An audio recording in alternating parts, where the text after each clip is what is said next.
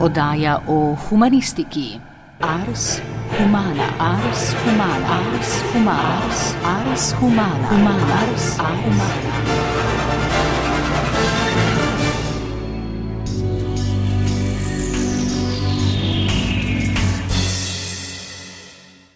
Drage poslušalke in dragi poslušalci, asociacija je začela neformalno delovati leta 1992. Danes pa je profesionalno koordinirana, sodobna, zagovorniška in servisna organizacija, tako piše na njihovi spletni strani. Več o asociaciji in njenem delovanju po današnji oddaji.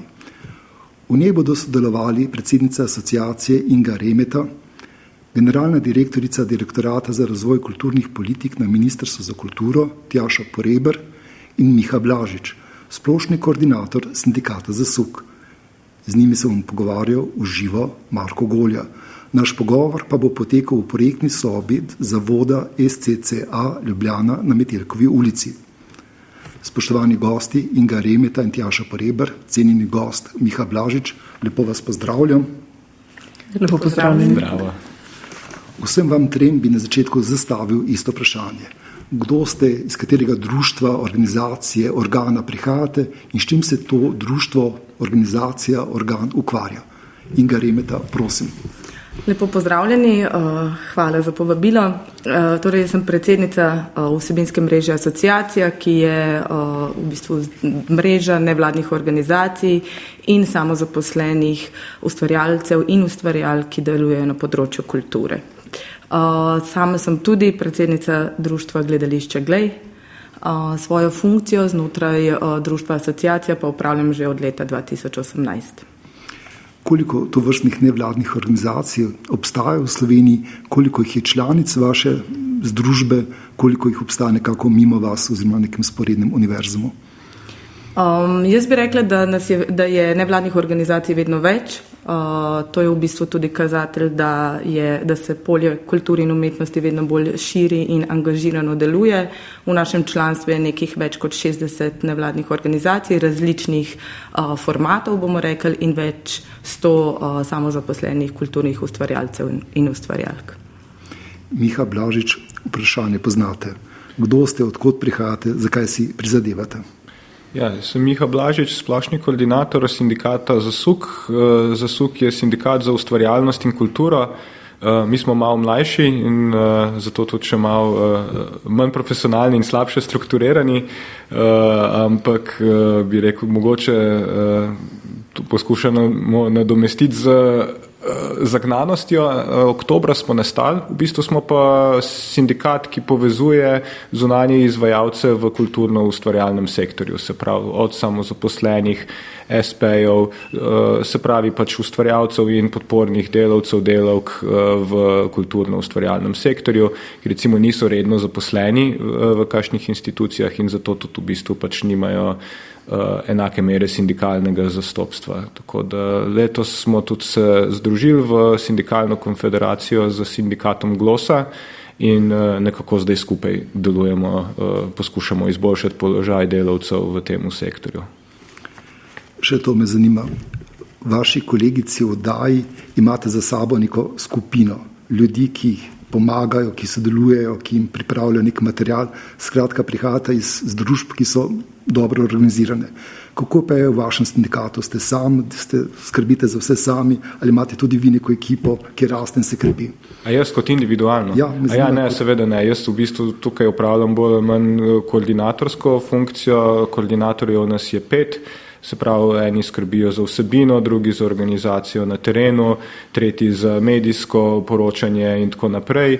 Potem imamo pa 15-članski delovski odbor, se pravi delovcev, ki prihajajo iz različnih uh, poklicov v, v kulturno-ustvarjalnem sektorju. Tako da smo v bistvu kar velika grupa ljudi, ki dela na tem.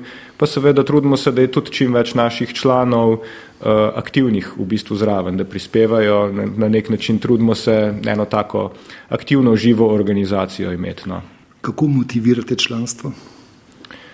Um, mislim, motivirati se mora vsak sam. Ne? Uh, najboljša motivacija je to, da vidiš možnost, da boš izboljšal svoje materialne in življenjske pogoje. Ne? In sin, skozi sindikat Mi vidimo, da je to kaj najhitrejša, najboljša možnost za to narediti, tako da ljudje se dejansko motivirajo kar sami. No. Ko smo začeli v bistvu se ustanavljati in nagovarjati ljudi, smo imeli zelo v redu odzive in mislim, da, da, da niti ni tak problem nagovarjati ljudi, da bi bili, da bi bili aktivni. Veliko ljudi govori, da jim je nekaj takega manjkalo. No. Samo še tole, kako je s članstvom? Število članov narašča, Število članov narašča, se pravi od oktobra, ko smo se ustanovili, do zdaj nas je 250. Eh, naše želje so sicer bistveno bolj ambiciozne, eh, smo pa ugotovili tudi to, da, eh, ko bi rekel, delujemo na polju, kjer smo vsi zelo razpršeni, ne, ne delamo na istih delovnih mestih, ne srečujemo se tako kot drugi delavci v, v tovarnah, trgovinah, skladiščih in tako naprej. In uh, imamo kar izziv v bistvu za metodologijo, kako se organizirati, kako prideti en do drugega. Zaenkrat ustanavljamo regijske odbore, uh, štirje že so, tako da bomo videli, no, kako, kako, bo šlo, kako bo šlo naprej. Ampak definitivno imamo ambicije čim več uh, ljudi sindikalizirati. Tjaša Poreber, vprašanje poznate, ampak dodal bi še pod vprašanje nekako. Prihajate iz Ministrstva za kulturo, ki je relativno najstarejši, rekel, pravni osebek za to mizo, hkrati pa prihajate iz direktorata, ki je pa relativno mlad. Ne?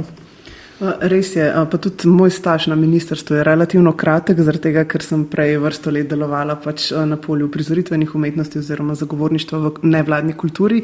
Um, tako da um, sem tudi sama pravzaprav uh, relativno uh, kratek čas na ministrstvu za kulturo. Direktorat, uh, ki ga vodim, se pravi direktorat za razvoj kulturne politike, pa je pravzaprav ustanovila um, ta vlada um, z nekak namenom, da se centralizirajo pravzaprav um, analitični napori ministrstva um, v smislu uh, podpiranja raziskav, podpiranja analiz um, in pa pravzaprav primerjalnega spremljanja praksi stojine um, in pa seveda tudi drugih ministrstv, zato da bi lahko lažje in bolj sistematično se sprejemale določene kulturne politike in odločitve, da skratka ne bi prihajalo do nekih stihijskih na pamet odločitev, ampak da bi lahko zelo jasno vedeli, um, zakaj se neke stvari spremljajo sprejemajo, predvsem pa kam vodijo.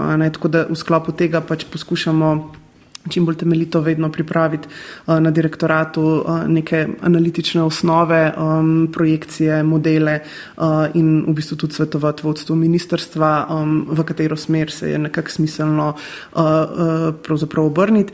To pa seveda počnemo v širokem dialogu z vsemi strokovnimi javnosti, socialnimi partnerji, v tem kontekstu govorimo o sindikatih in pa ostalimi zainteresiranimi, ki nam lahko pač ponudijo tako ali pa drugače neke zanimive vhodne informacije informacije, ki jih lahko potem mi skupnostno obdelamo in um, pač, uh, potem posredujemo vodstvu ministrstva. To je bil zdaj tak konceptualen odgovor. Ne? Zdaj bi pa prosil za kakšen konkreten primer iz zadnjih nekaj tednov, mesecev. Uh, konkreten primer uh, priprave podatkov. Tako, tako kaj ste pripravili, ja. kakšno primerjalno analizo ali kaj ja, podobnega? Ja. V tem trenutku pravzaprav poteka kar več usporednih uh, raziskav, če recimo tukaj začnemo. Um, ena izmed največjih je glede spremljanja medijske krajine, uh, potem hkrati je v bistvu v zaključni fazi uh, prva nacionalna raziskava o, o, o, se pravi, o pojavnosti spolnega nadlegovanja in nasilja v kulturi. Uh, tukaj se nadajamo um, ne sicer v spodbudnih rezultatov, um, ker je tega po prvi prvih preliminarnih uh, informacijah precej veliko, um, ampak uh, predvsem upamo, da bo ta raziskava lahko služila kot eden izmed um, temeljnih um, podlag za to, da se začnejo sprejemati neke določene konkretne uh, ukrepi. Potem pa v bistvu pripravljamo še raziskave na področju jezikovne politike, pripravlja se raziskava o obisku muzejev in galerij, ki bo služila v bistvu za pripravo strategi nove strategije um, razvoja muzejev in galerij v Sloveniji. Uh, pa umeščanja sončnih elektrarn v področje kulturne dediščine oziroma objekte kulturne dediščine in še bi lahko razlagala. Hkrati pa seveda ena izmed stvari, ki jih zelo, zelo spremljamo, je pa predvsem položaj ustvarjalk in ustvarjalcev, se pravi na kakšen način um, v bistvu sredstva prihajajo ali ne prihajajo do njih, kako so plačani, kakšno je njihovo število in vzroki, um, zakaj se to število spreminja. Tako da tukaj sodelujemo z vsemi relevantnimi institucijami, od statističnega urada in tako naprej, da lahko pač um, pravočasno spremljamo te podatke in na podlagi njih delamo tudi modele, um, ki jih recimo zdaj, um, če se konkretno, ker se bomo verjetno o tem pogovarjali, uporabljamo potem tudi za potrebe recimo pripravna pogajanja o razširitvi kolektivne pogodbe na samo zaposlene in upamo seveda tudi na druge prekarne delovke in delovce v kulturi te teme se zagotovo še vrnemo. Hvala za izčrpen odgovor. Inga Remeta, prej sem bral ta citat z vaše spletne strani, mogoče ste se za hip malo nasmehnili, namreč, bi prosim pojasnili, kaj pomeni kakšna formulacija. Naprimer, kaj počne asociacija kot servisna organizacija, naprimer, ne? ali pa kaj pomeni ta praksa zagovorništva, kaj to konkretno pomeni. Mislim, zelo veliko je o tem povedati, mogoče se lahko uh, konkretno ne, lotimo uh, servisne pomoči. Mm. Tukaj v bistvu govorimo od popolnoma osnovnih, uh, bazičnih vstopnih točk do pač veliko bolj kompliciranih. Torej, um, imamo mi temu rečemo servisni telefon, na katerega nas kličejo tisti, ki se želijo bodi si upisati oziroma mhm. začeti z postopkom uh, pridobitve statusa samozaposlenega v kulturi. Mhm. Tukaj govorimo o svetovanjih, o načinu izpolnjevanja obrazcev. Uh, mnogokrat se srečujemo tudi z nerazumevanjem uh, v bistvu z, uh, zahtevanega in v tem primeru pač obrazložimo, kakšne stvari in kako je treba prilagati, na kakšen način vstopiti v proces.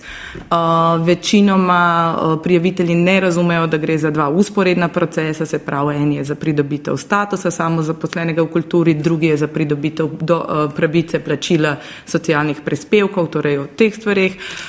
Um, mnogokrat imamo, ko pride v obdobje poročanja, se pravi zaključka davčnega leta, uh, ko se odajajo pač akontacije in obračuni akontacije dohodnine, kako se te obrazci izpolnjujejo, kaj to pomeni, kaj gre v cenzus, kaj ne gre v cenzus in tako naprej, do v bistvu veliko tudi bolj mogoče zahtevnih ali pa težkih stvari, ki so se uh, še zlasti pojavljale v mandatu prejšnjega uh, pač, uh, vodstva oziroma garnitur na Ministrstvu za kulturo, se pravi, gre za precejšnjo število tožb in pritožb na obrazložitve, razlage in tako naprej. Torej, status kot tak je precej kompleksen, moram priznati, da je v bistvu nam vzame tudi veliko časa. Uh, je pa seveda to vezano na obdobje. No? Se pravi, ko gre za poročanje, je tega vedno več, ko gre za pridobivanje odločb, je tega malo več, ampak to je ena od takih aktivnosti, ki jo v bistvu konstantno skozi leto zelo um, intenzivno opravljamo. Se upravičujem, zakaj je tega pisarniškega dela, kot ste dejali, vedno malo več, malo več? Kje so razlogi, da se ta del vašega delovanja nekako širi? Uh, mislite zdaj konkretno pri uh, tem uh, servisiranju? servisiranju. Pri ja, ja uh, gre za to, da je verjetno še vedno veliko pač, uh, administrativnih zahtev, se pravi veliko papirologije, veliko birokracije, s katero se še posebej mladi na svojem vstopnem, uh, vstopnih točkah pač ne spoznajo toliko, jim je neznano in jim pri tem pač veliko pomagamo.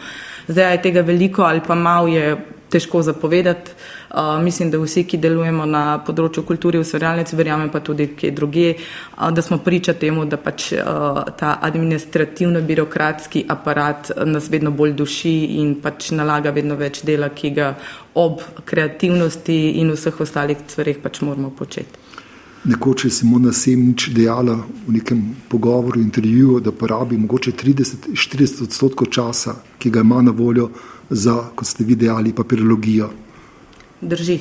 Drži uh, s tem, da se trenutno pogovarjamo o samo, izk, pač o, izključno o samozaposlenih, ko pa vstopamo uh, v oblike nevladnih organizacij in tukaj sem že prej omenila, da imamo, mi temu rečemo, manjše, srednje, večje in tako naprej, se seveda z obsegom dela, z obsegom projektov, z obsegom pač sofinancerskih deležev ali pa prijav na različne spise stvari samo le kopičijo in se žal ne poenostavljajo.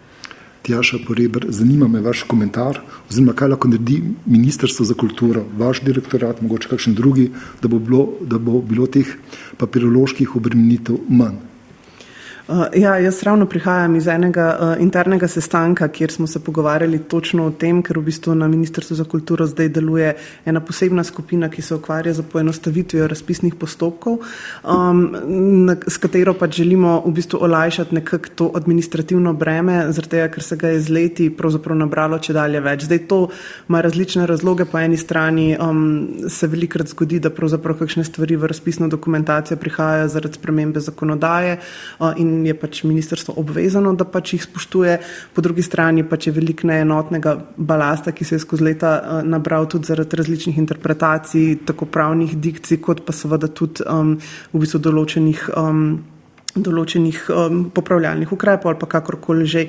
Razlogi so različni, dejstvo pa je, da, da je um, pravzaprav tako status samozaposlenega v kulturi kot um, v bistvu upravljanje uh, pač teh razpisov strani javnih zavodov in nevladnih organizacij oteženo in zelo birokratizirano um, in v bistvu mi zelo veliko nekako poskušamo razmisleka dati predvsem v to, kako nekatere stvari poenostaviti, olajšati, poenotiti, um, predvsem pa tudi digitalizirati, ker nažalost na ministrstvu še vedno ogromno velika večina razpisov poteka v fizični obliki, to ni najbolj zelena opcija, predvsem pa je izjemno uh, potratna v smislu um, časa, ki ga morajo prijavitelji v bistvu porabiti za to, da, da stvari menedžerirajo in na drugi strani, da morajo pač uslužbenci se s temi stvarmi ubadati. Tako da nekako um, te segmente debirokratizacije in digitalizacije pe, se pač strani Ministrstva za kulturo peljejo skupaj. Um, zagotovo pa bi jaz rekla, da eden izmed pomembnih stvari, ki se tukaj uh, lahko tudi naredi, poleg tega je, da se pravzaprav um, skozi podporo uh, nevladnemu sektorju uh, in pa samo zaposlenjem v kulturi v smislu nekih um, podpornih aktivnosti, ki bi lahko uh, ponudile neke svetovalne storitve, neke izobraževalne storitve, lahko se pač seveda ta sektor tudi mogoče um, bolj sistematično uh, pelje v smer, da bo lajše um, upravljal z, z svojimi statusi. Uh, dejstvo pa je, da verjeten, in tukaj moramo biti iskreni, nič od tega ne bi bilo tako zelo problematično, če bi bilo pač za vse dovolj sredstvo in tega se pač zavedamo, da v bistvu pač je izboljšanje nekako um, oziroma ne izboljšanje, ampak odprava prekarnih pogojev, uh, e, tista, tista element, ki bi pravzaprav um, verjeten olajšal potem posledično tudi um, bremeno, o katerih se pogovarjamo zdaj. Prej ste omenili bežno, kako vas lahko kakšen zakon postavi pred dejstva. Ne? Ampak to je nekoliko paradoksalno, da imamo breko pač različna ministrstva, ki prehitevajo po levi in desni strani, a ne bi bilo bolj smiselno, da bi ministrstva nekako sodelovala med sabo in da bi vi pravočasno reagirali, ne? nekako zaščitili to področje uh, samostojnih ustvarjalcev, ki so potem še bolj obremenjeni s papirologijo. Ja, in prav medres, pomankanje medresorskega sodelovanja je ena izmed točk, ki je pravzaprav predvsej uh, v preteklosti pestila področje kulturne politike. Um, zaradi tega se v bistvu trenutno uh, ministrstvo uh, sprememb nacionalnega programa za kulturo in priprave novega akcijskega načrta, ki bi moral biti, pa ga ni, um, strani prejšnje vlade bilo, um, se pravzaprav poskuša peljati medresorsko, za posebno tudi medresorsko skupino na vladni ravni, kjer se poskuša pravzaprav v številnih resorjih pogledati, kaj lahko oni naredijo na področju kulture in ustvariti nekak pretok informacij, um, tudi zato, da do takšnih stvari ne bi prihajalo. Zdaj, do določene mere je to možno, do določene mere pač so tukaj pač neke prečne zadeve, ki. Um, ki se pač tiče vseh ministrstv in niso pod pristojnostjo Ministrstva za kulturo. Ministrstvo za kulturo tukaj lahko da zgolj um, predloge oziroma komentarje znotraj uh, medresorske obravnave, uh, ampak seveda se pač uh, trudi uh, vodstvo nekako, da um, poskuša skozi ta dialog pravzaprav doseči um, doseč pač čim boljši rezultat za samo zaposlene v kulturi. Um, na določene teme, predvsem recimo, kar se tiče um, širitve kolektivne pogodbe za samo zaposlene, pa zelo tesno recimo sodelujemo z Ministrstvom za delo, um, ko razmišljamo o rešitvah, kar se tiče pokojnin, a ne ponovno sodelujemo s tem resornim ministrstvom, tega, ker vemo, da pač to so to sistemi, ki jih ne moremo sami um, pač upravljati, ampak moramo za to najti neko celostno rešitev. Um, enako je recimo primer uh, na področju zdravja um, in tako naprej bi lahko še naštevala nekaj takšnih primerov. Um, na področju dediščine recimo je zelo veliko sodelovanja z ministrstvi, ki recimo uh, pač uh, tako ali pa drugače posegajo v prostor uh, in takih primerov je še kar veliko, seveda je tukaj kulturni turizem in tako naprej. Ko rečete, da je veliko sodelovanja, to pomeni, da se res konkretno stvari premikajo, so kakšni roki, dokdaj naj bi poskušali uskladiti neka sodelovanje z drugimi ministrstvi, to poteka vse čas, kako to v praksi poteka? Od projekta do projekta različno in je odvisno, kako se ga pač uh, ministrstvo loti, recimo v nekaterih zadevah, kot je Evropska prestolnica kulture, poteka um, medresorska skupina, ki se redno dobiva um, in, in bo spremljala celoten projekt uh, pred realizacijo, skozi realizacijo in potem seveda pač tudi v tem nekem kasnejšem obdobju, ko bo treba pač oceniti učinke tega projekta. Pri kakšnih stvarih, kjer so potrebne pač enkratne posvetovanja, um, se pač to zgodi na tej ravni, tako da težko bi rekla zdaj nasplošno, kakšna je zadeva, uh, ker pač zavisi od posamezne teme. Če mi ostala gosta dovolite, bi še eno kratko vprašanje zastavil, kratko za stranitev. In sicer prej ste omenili, kako upravljate neke vrste primerjalne analize. Naprimer, ne? In ker poznam nekaj pesnikov, pisateljev, vem, kako so napsihirani, ko oddajo te vloge za štipendije. Pri nas oddajajo vloge za štipendije za leto dni. Na švedskem imajo recimo prakso, da so štipendije za obdobje treh let. Poznate ta podatek?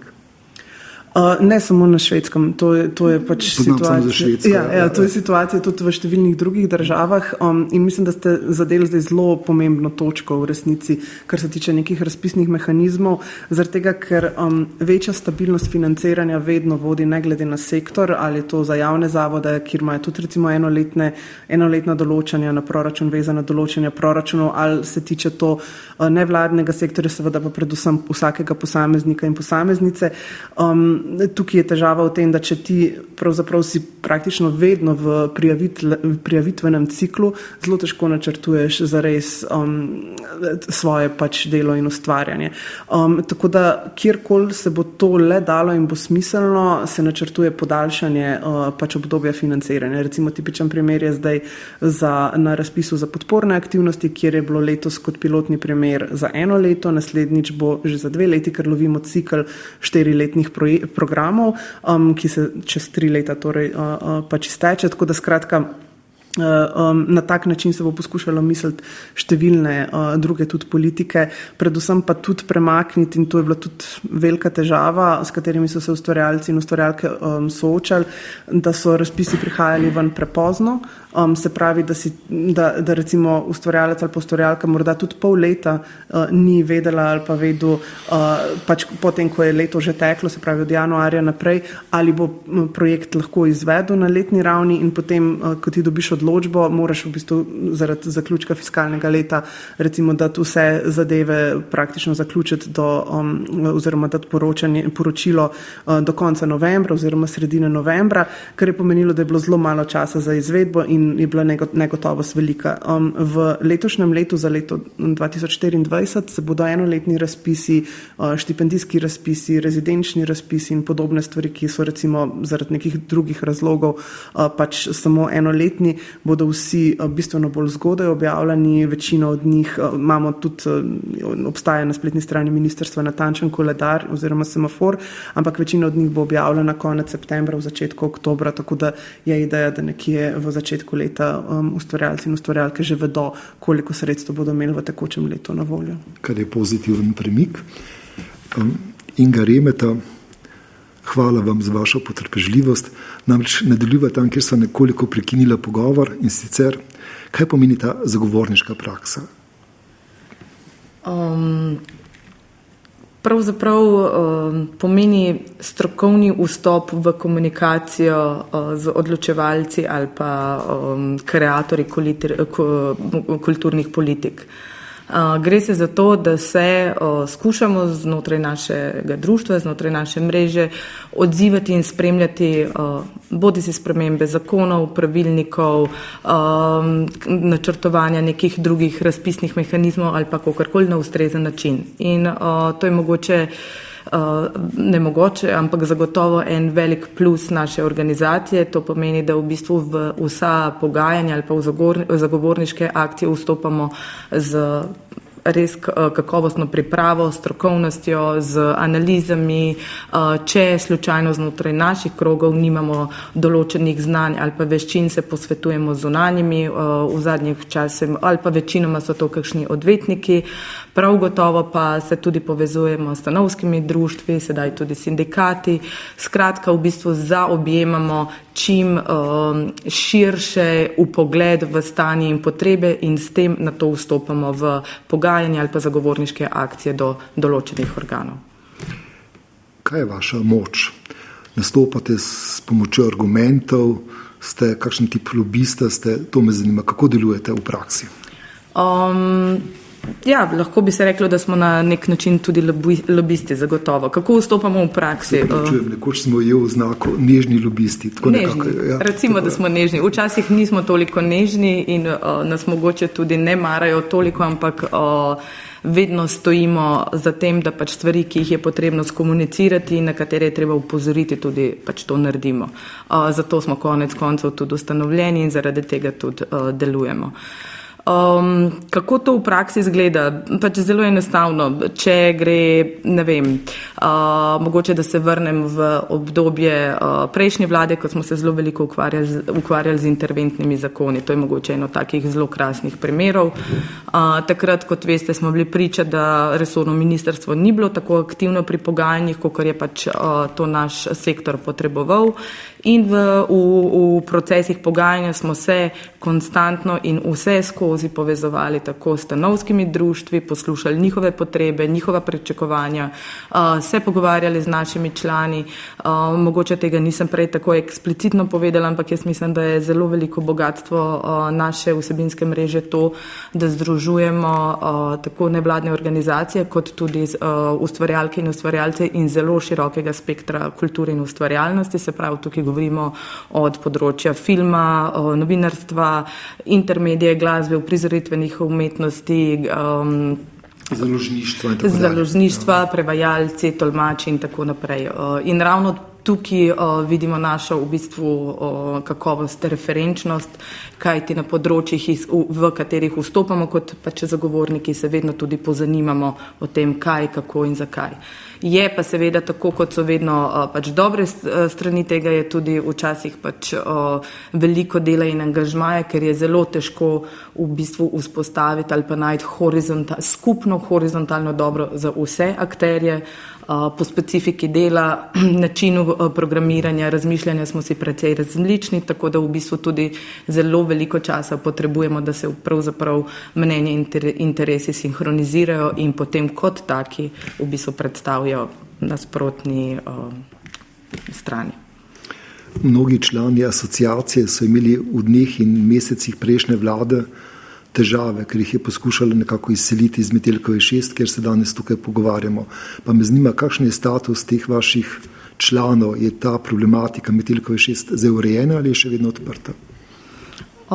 Tukaj se mogoče lahko tudi s kolegico uh, Poreber nekoliko pogovarjamo, uh mhm. -huh. ampak kokar sledimo. Malce pozneje, tako. Tako, ja, kokar sledimo procesom, takrat so se, kot, kot ste tudi sami povedali, uh, zgodili pač mnogi zapleti. Interes je bil, da se nevladne organizacije uh, izselijo. Trenutno so ravno tako vse, vsaka posebej, uh, ker so pač stranke v postopku uh, v ločenih procesih pogajanja in odlo odločanja, ampak ideja je oziroma stališče je, da se bodo ohranile in ostale v stavbi, v kateri so, eh, vendar procesi zaradi različnih zakonskih in tako, kot smo se prej tudi eh, pogovarjali, specifik so nekoliko mogoče počasneje, kot bi si vsi želeli, eh, vendar so pa prav gotovo v skladu z določenimi možnostimi dejanskega stanja in zahtev določenih, določb določenih zakonov, ki jim je treba vseeno slediti.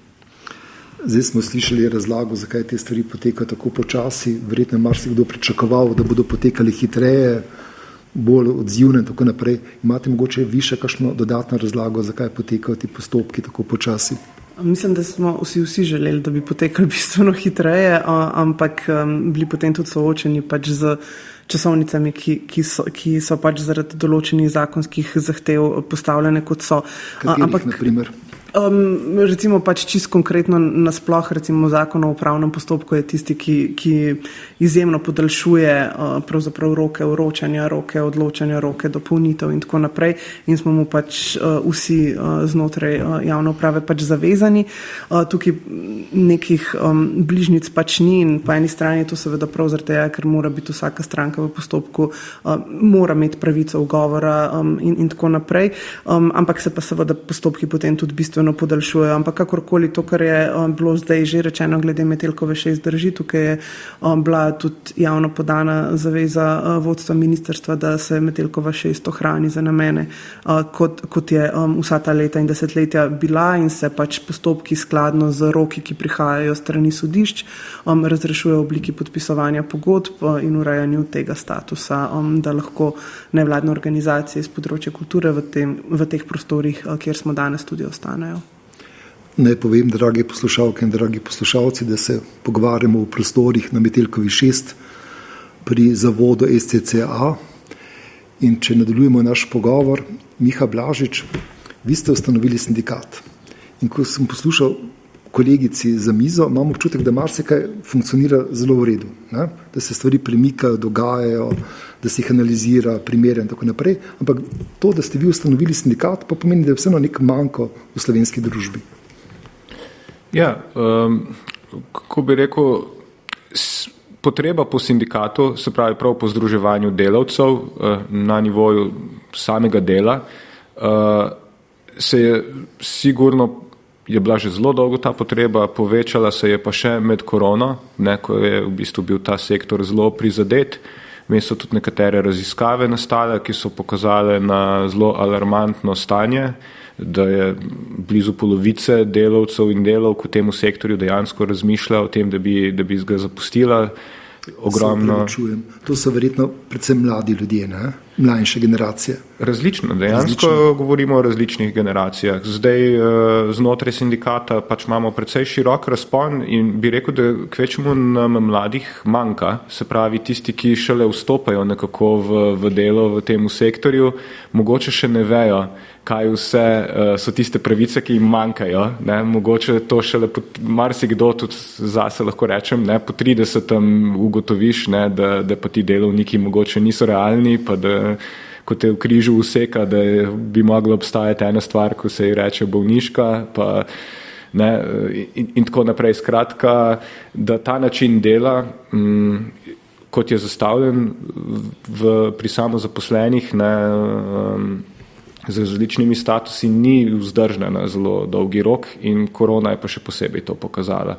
In zaradi tega se nas je začelo pač eh, več ljudi iz različnih poklicov organizirati in uh, vidim, da prihajamo iz različnih poklicov, ampak zelo podobnimi pač uh, težavami. Ne.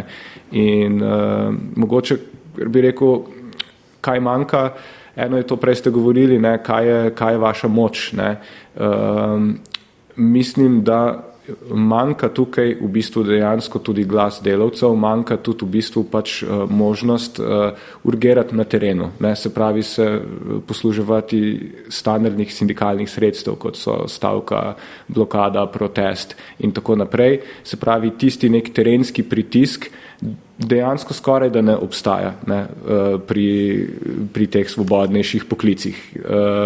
In zraven je pa tudi še ta neka, bi rekel, ideologija, uh, malega podjetništva ali pa ideologija uh, samostojnega ustvarjalca, ki ni od nikogar odvisen, ki samo sledi svojim sanjam, ki se žrtvuje iz ljubezen do, do umetnosti in tako naprej, uh, od česar pa se tudi ne da živeti. Ne? In, in, in vidimo, da marsikdo, ki bi se moral identificirati kot delavc, ker to de facto je, ne?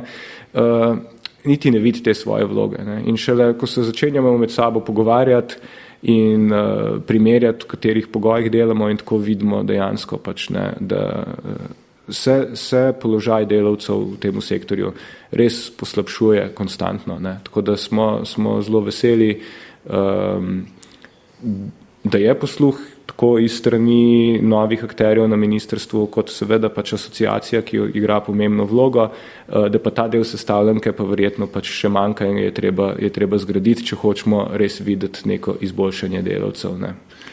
Naj povem, drage poslušalke in dragi poslušalci, da smo tukaj vsi trije prekimali temu, kar je dejal Miha Blažič.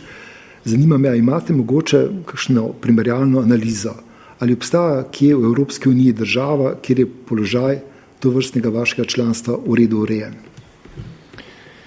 Uh, mislim, obstajajo pač uh, nijanse. Ne. Idealno pa zagotovo ni nikjer. Kot vemo, so vse evropske države dale čez neoliberalni obrat, kar pomeni, da je uh, v bistvu ta aspekt svobodnega, tako imenovanega fleksibilnega dela se širil povsod ne, in dejansko obstajajo seveda segmenti delovstva, recimo pač v določenih evropskih državah, ki imajo priznani status samozaposlenega v kulturi, kulturnega delovca, podobno kot tukaj, kjer je bolje poskrbljeno, kjer je neka večja materialna varnost, to sigurno, da je.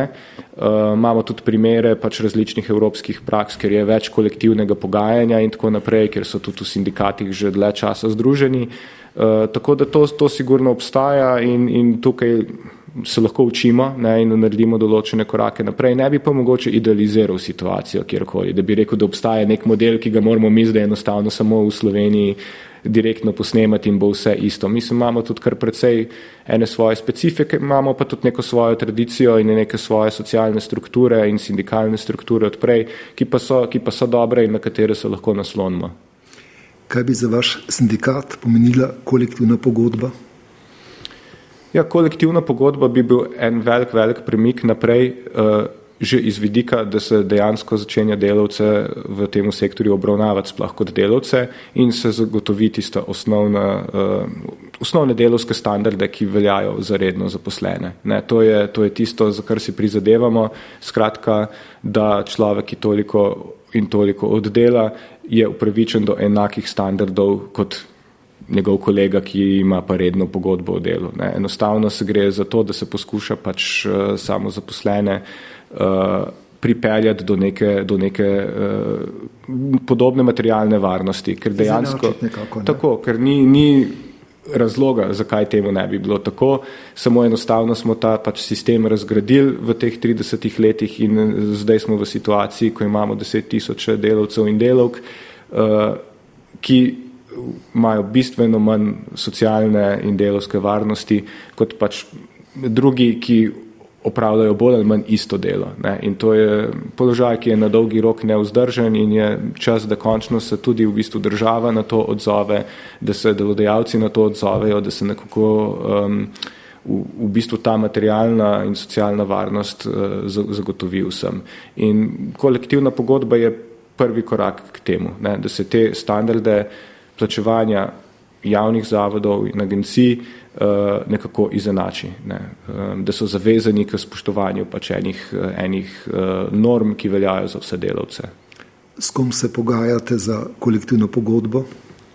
Zdaj, v tem momentu je to Ministrstvo za kulturo, tako da tudi s Tjašo se srečujemo na teh pogovorih in nekako začenjamo ta proces, tudi Ministrstvo za delo zdaj vstopa zraven.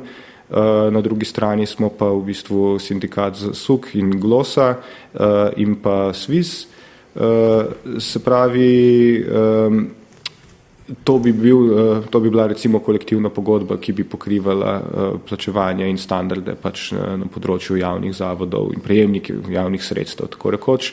Eh, potem pa je seveda vprašanje, ali se to lahko širi tudi, tudi na, na druga področja, ki tudi vemo, da so pač neurejene. Ne? Tudi nevladne organizacije v končni fazi bi bilo super, da bi bili zraven pač v temu, v temu procesu.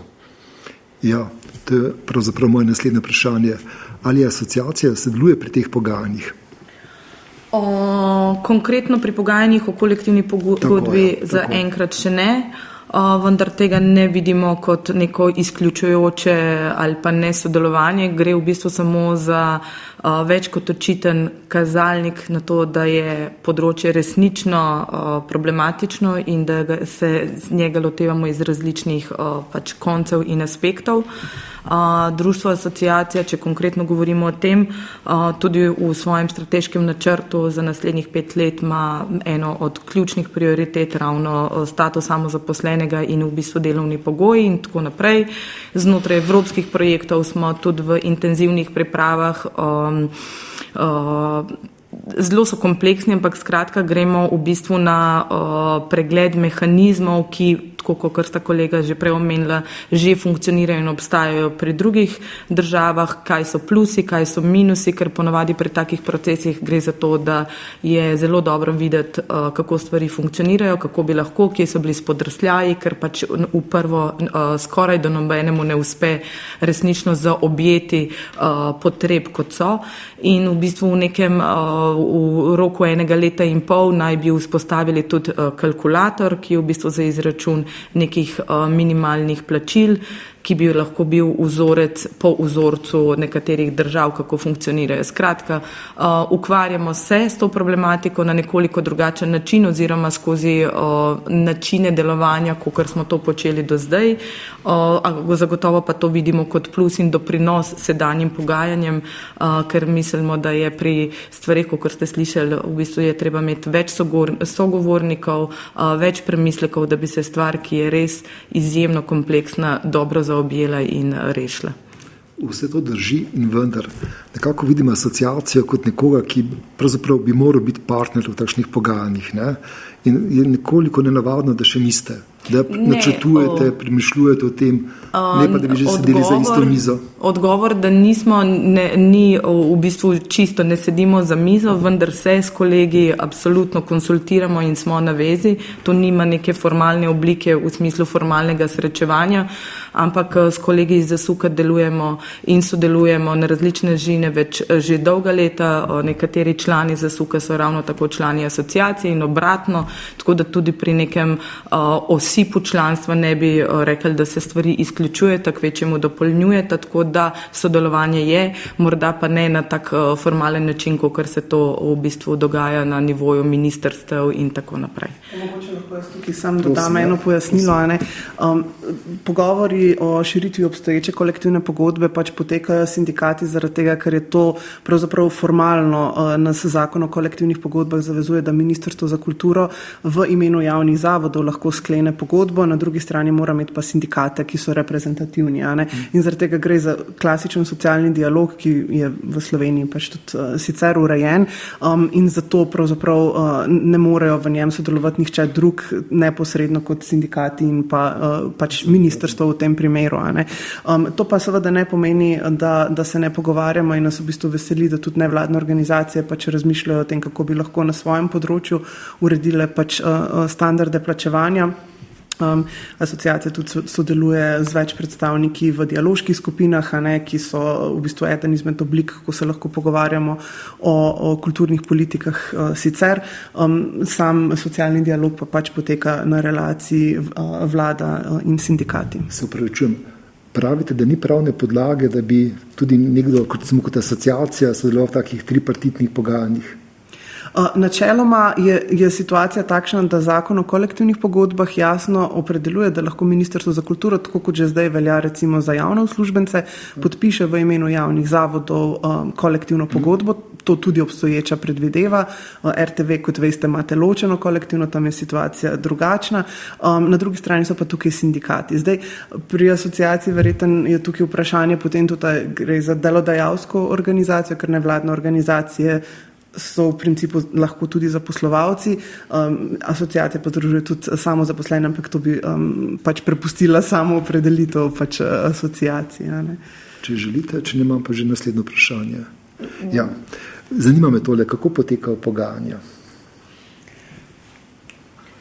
Uh, Zaenkrat je tako, da smo se trikrat srečali. Uh, sploh eh, na začetku so bila to bolj spoznavna srečanja, nekako, da smo mi opredelili naše probleme in uh, zdaj smo nekako v fazi, da um, smo iskali neko skupno podlago, kako sploh formalno pogajanja z ljudmi, ki smo pač samo zaposleni, ne, uh, nekako vzpostaviti in uh, nekako iščemo zdaj pot, kako bi naredili to, uh, ta pogajanja, da bi zajemala čim več v bistvu pač različnih tudi statusov, uh, ne zgolj samo zaposlene v kulturi.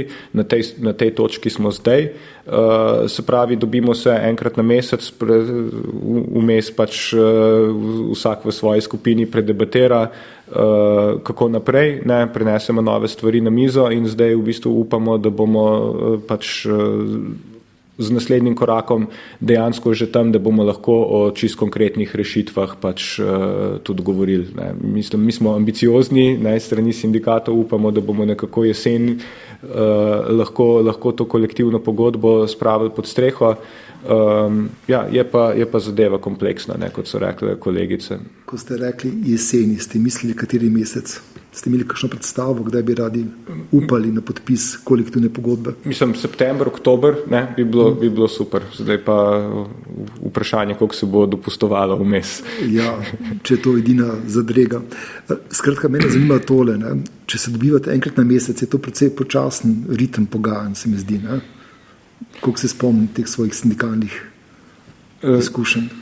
Se strinjam, je, je počasen ritem pogajanj, uh, mi bi tudi radi, da bi, da bi bil hitrejši. Uh, dejansko, kako bi rekel, je, je pa nekaj tudi na tem, da ker urejamo eno področje, ki prej res ni bilo urejeno, terja to tudi iz naše strani predvsej pogovora s člani, v smislu, da mi neke informacije potem prenesemo, se dobimo, se pogovarjamo vmes, kako bi določene rešitve efektirale zdaj recimo pač ne ljudi v različnih poklicih in uh, da, da vidimo zdaj, kje so tiste pač skupne, skupne točke, ne, pri katerih moramo absolutno pa, pa nekako ustrajati. Ne. Se pravi, um, tudi zaradi nas mogoče je dejansko proces uh, počasnejši, kot bi lahko bil.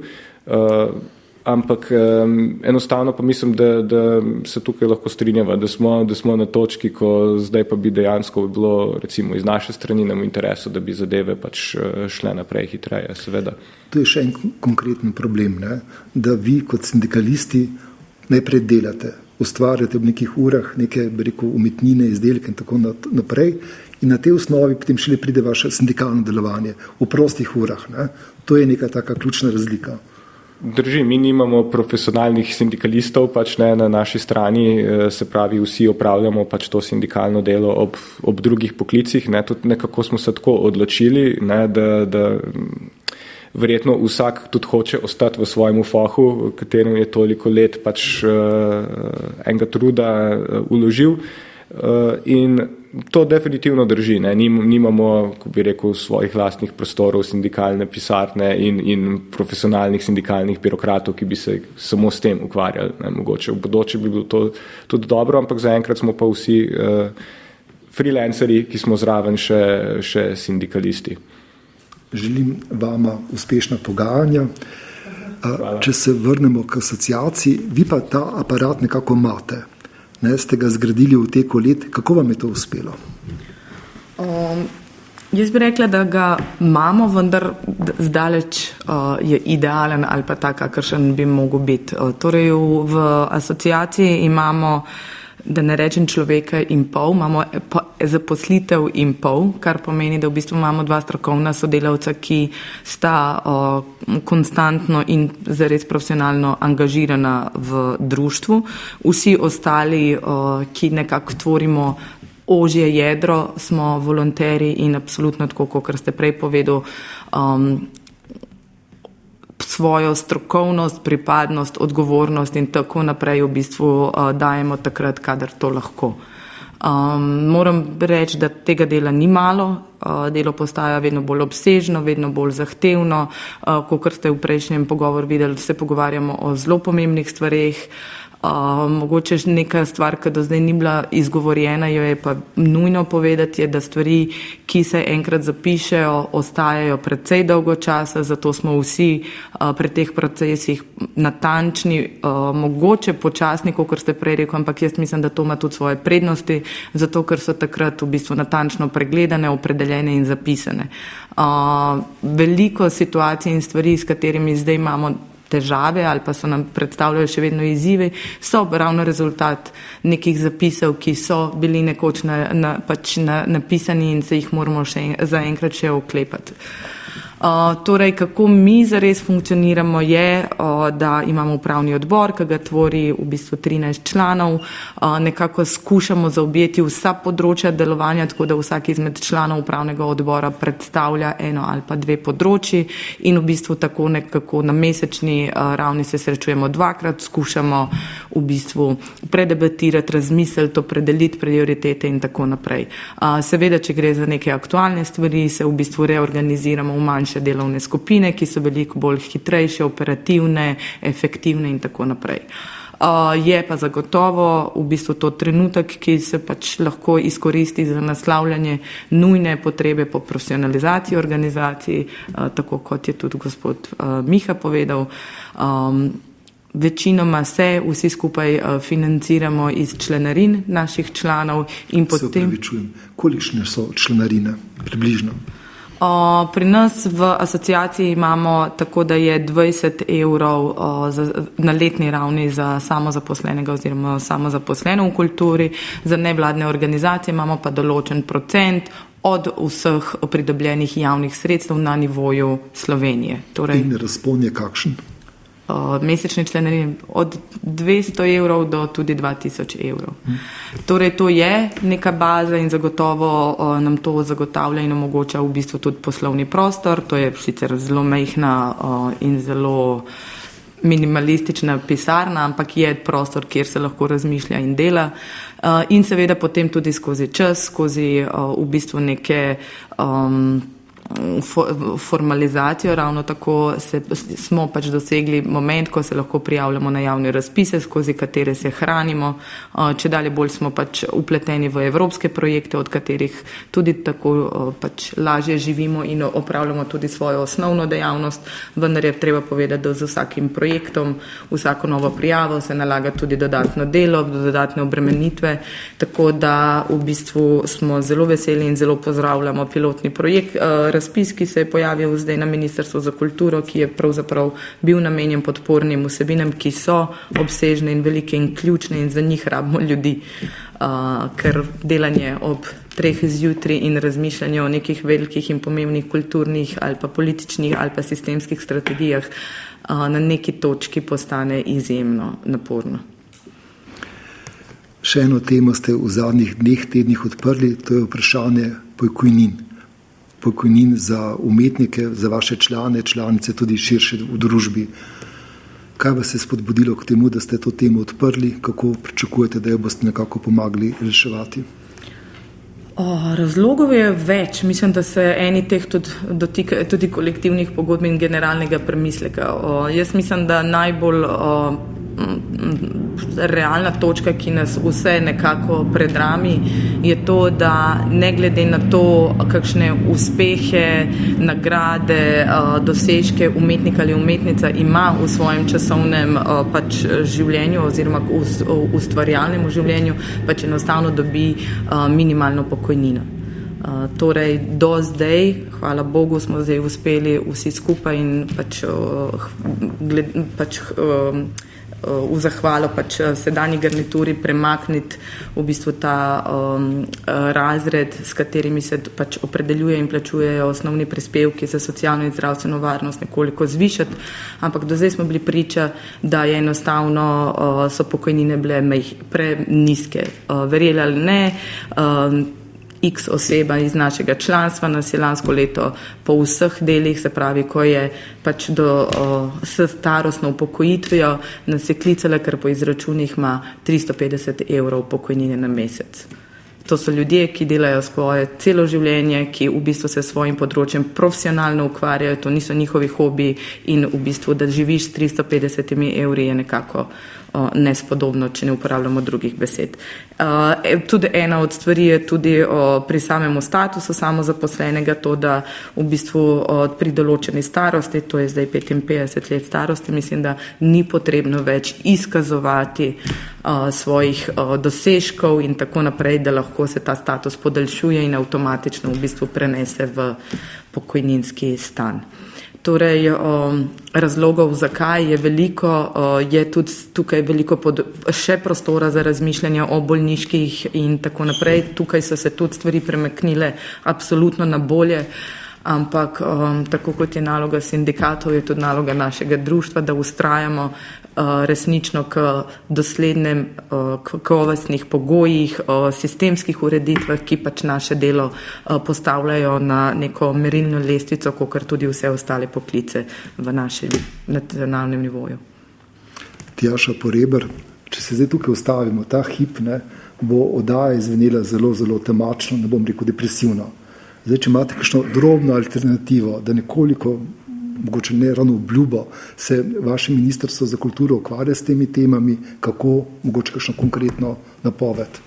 Ja, čist konkretna zadeva, ki zdaj tudi poteka poleg teh um, urejanja kolektivnih pravic, ki je po mnenju ministrstva um, prioriteta za samo zaposlene in, in prekarne delavce, zaradi tega, ker uh, se zdi, da je to prava pot, kako lahko zagotovimo boljše pogoje, ker trenutno pač um, stvari niso dostojne uh, pač, uh, za delo, ki ga, uh, samo, ki ga pravzaprav ustvarjalci in ustvarjalke v kulturi opravljajo. Poleg tega uh, poteka tudi reforma samozaposlenih v kulturi na splošno uvaja se karjerna dinamika, eh, ki bo v bistvu v tem prvem koraku eh, spremembe prilog uredbe o samozaposlenih, ki poteka v tem trenutku, eh, sicer prinesla predvsem posodobitev seznama poklicov, ker zdaj številni poklici niso bili vključeni oziroma niso vključeni. Znotraj tega bo uvedla pač različne stopnje kako se v status uh, vstopa in ohranja. Vse to delamo v zelo tesnem sodelovanju z, z številnimi in potem bo seveda tudi uh, javna razprava o tem. V kasnejših korakih, se pravi predvidoma jeseni in po zimi, pa načrtujemo, da bi se potem uh, z ustrezno spremembo tako krovnega zakona ZUIK, kot potem posledično seveda tudi uh, podredne uredbe uh, o samozaposlenih v kulturi, ta karjerna dinamika prenesla tudi v plačevanje prispevkov, v cenzus, v, um, v, v vprašanje pač nekih drugih elementov štipendijske politike, razpisne politike in tako naprej, da skratka um, bi se upoštevalo podobno, kot se recimo napreduje v javnem sektorju, um, kjer recimo igralec začetnik ni enako kot igralec prvak, recimo, um, da bi se to vrstna dinamika potem in v smislu uh, plačevanja in v smislu nekih pravic uh, v bistvu stopnjevala skozi kariero posameznic in posameznika, pri čemer želimo biti zelo pozorni tudi na okoliščine, ki to to dinamiko spreminjajo ali pa menjajo od uh, vprašanj recimo materinstv do vprašanj dolgotrajnih bolniških odsotnosti in tako naprej in pa seveda pokojnin. Hvala vam za ta obet. Moramo današnji pogovor žal končati. Tjaša Poreber, Inga Remeta in Miha Blažič. Zahvaljujem se vam za prijeten, zanimiv pogovor zavodu STCA Ljubljana za gostoljubje ter vam, dragi poslušalke in dragi poslušalci, za vašo pozornost. Odajo smo pripravili Mitja Groznik, Damjan Rosten in Marko Golja. Odaja o humanistiki. Ars humana, ars humana, ars humana, ars humana, humana, ars humana.